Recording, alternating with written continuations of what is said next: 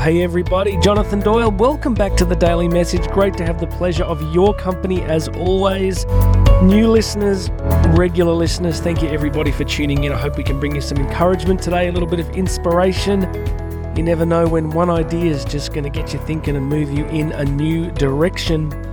Uh, housekeeping as always, please make sure you have subscribed. Hit that subscribe button and, uh, you know, if you've got somebody in your family, in your work, a friend who you just think could do with some encouragement, grab this little podcast and flip it across to them and say, hey, listen in. You might, uh, you might find a way out of whatever challenges or struggles you're facing because we all certainly have plenty of those. And we are a very social species. It's uh, often just a word of encouragement or an insight from the people that care about us that actually get us moving forward. So I'd love it if you could subscribe, share this stuff. And of course, go across to the uh, show notes here. If you're listening in the show notes, you can get free access to my book, Bridging the Gap. You can get free access to that. You can book me to speak. You can get links across to the YouTube version and anything else that I'm talking about. I'll link it to that in the show notes. Today, my friend, we're going to be talking about a really important, interesting, useful quote from the American leadership expert and businessman Max De Pree. Max De Pree a very successful business operator in the 70s and 80s, coming into a family business, did really well.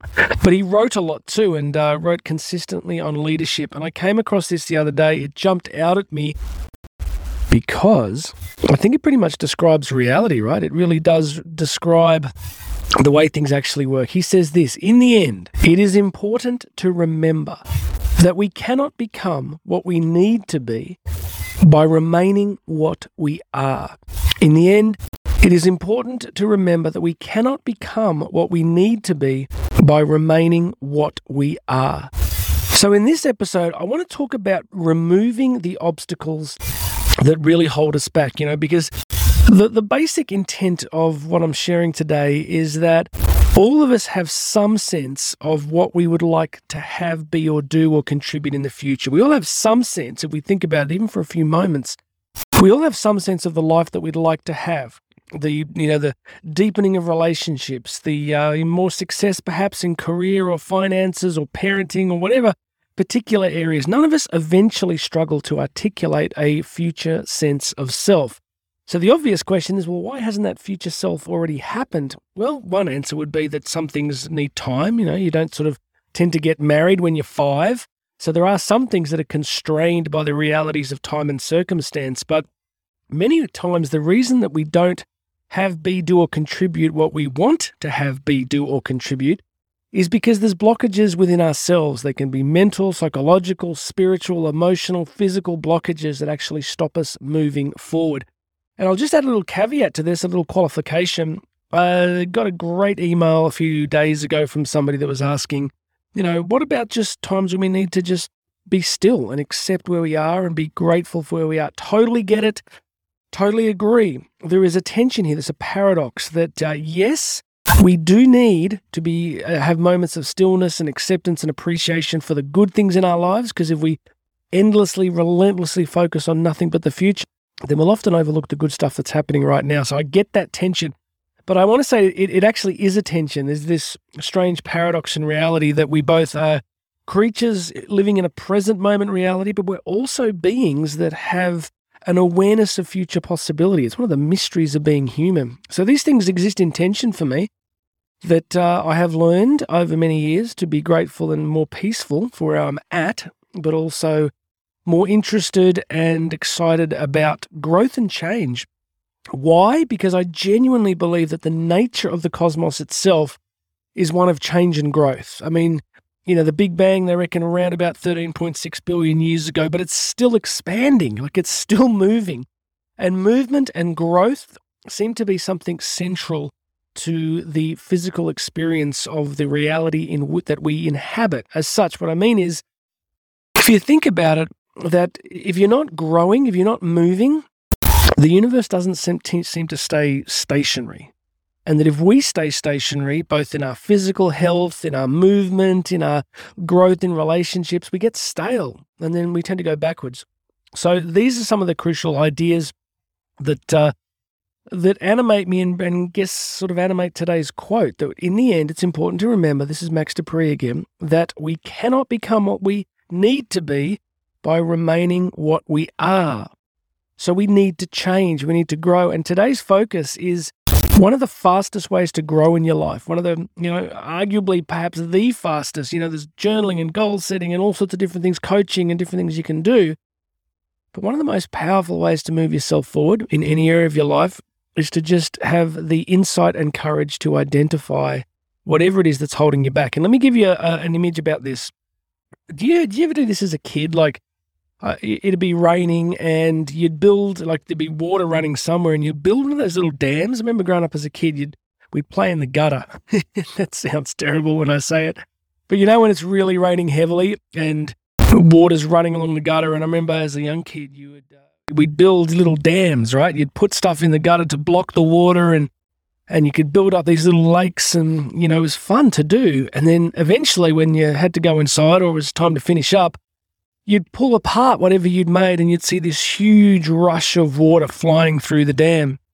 And so as I was preparing this episode, I thought, this quote today reminds me of that. It's like when you remove that obstacle, when you break that dam, then there is such a rush of movement and momentum in our lives that moves us downstream. And often it's these obstacles that are holding us in place. So, my suggestion would be that to become what we want to be, obviously, as Max De Pree says, we can't stay where we are, who we are. We need to keep developing and growing, being open to life, open to challenges, open to taking risks, open to confronting what we are afraid of. And one of the ways we do it is just by removing obstacles. And here's my suggestion, my friends always start with the big ones first. And I think we always know what they are. There's always one or two things in our life that we are doing, that we are believing that powerfully hold us back. And, uh, you know, as I talk to you right now, I'm pretty sure you can identify in your own life what that thing might be. It might be a habit, it might be an addiction, it might be a toxic relationship, it might be a, a belief that you can't have X or can't do X. All of us are going to have one big thing. So you start with the big things first, right? And recently I was able to do that. I identified something that I wanted to change was a significant thing. And I can promise you that once I removed that, the momentum and shift and growth that I experienced was, was quite something. So, really go after the big ones first. And then the journey of life is then constantly removing the smaller ones, the smaller ones, the smaller ones. And, you know, at the elite level of things like international sport, that's what they do. They actually get down to the peak performance that separates elite athletes or elite teams at the very top. It's the, the increments become really small. I'll Give you a couple of examples. Um, Dave Brailsford, um, who has an OBE, an Order of the British Empire, has been the coach of British cycling for many, many years. And of course, you know, if you follow cycling at all, they, they had a fair bit of success over the last decade. Very much to do with with he with him. Uh, you know, they won a Tour de France with Bradley Wiggins. They went on to to have a lot of track success. And if you look at documentaries and interviews with Brailsford, he was relentless on really the the one percent increments. He was like, well, you know, the tiniest details. He understood that at the elite level, there was the gaps between people were so small. So what I'm sharing with you here is that it, you know once they remove the big issues, right? Once they've removed any big problems the athletes are having, it comes down to removing these tiny obstacles, tiny blockages, tiny things that retard them and hold them back. So I want to take that and apply it to us Again, that we take out the big things first, but as we go forward, we keep looking for those little habits. We keep looking for those little issues, those little things that we're doing on a daily basis that are holding us back from moving forward. They're subtle. You know, the, the big ones, you know, the big ones are easy. You know, if you're, if you're drinking heavily every day or you're massively overeating or you're yelling at people or whatever it is, those things are easy to point out. You can notice them pretty straight, you know, pretty straightforward, pretty easy to notice, right? And if you can't, I'm sure people around you will be happy to point them out to you. But then after that, it becomes this fascinating daily journey of where can I just improve a fraction here? You know, one of the things I do at the end of each day is the uh, the Ignatian examination of conscience. You know, just this before I go to sleep is just to go back through the day and look at ways in which I felt um, I was cooperating with with God, uh, and other ways in which I was sort of you know not, and then looking at what I can change the following day. So you know, these processes have been tested over many, many centuries and uh, have helped a lot of people move forward. So let's wrap up one more time from Max De Pree. In the end, it is important to remember that we cannot become what we need to be by remaining what we are. So hold that paradox, my friends, hold that tension. Yes, we can live in gratitude. Yes, we can live in appreciation for, even if life's hard, we can still find multiple things to appreciate. Yes, we can have times of silence, stillness, meditation, prayer that ground us in the moment. But let's also remember that we are, you know, we're not just human beings, we're human becomings, right? We're human becomings. We are growing, developing, changing into hopefully more compassionate, courageous, you know, energetic, motivated people who contribute, make a difference in the world and the difference and difference to the lives of other people. So remember that puddle metaphor, take those big blockages out first, go after the small ones, look for the incremental growth.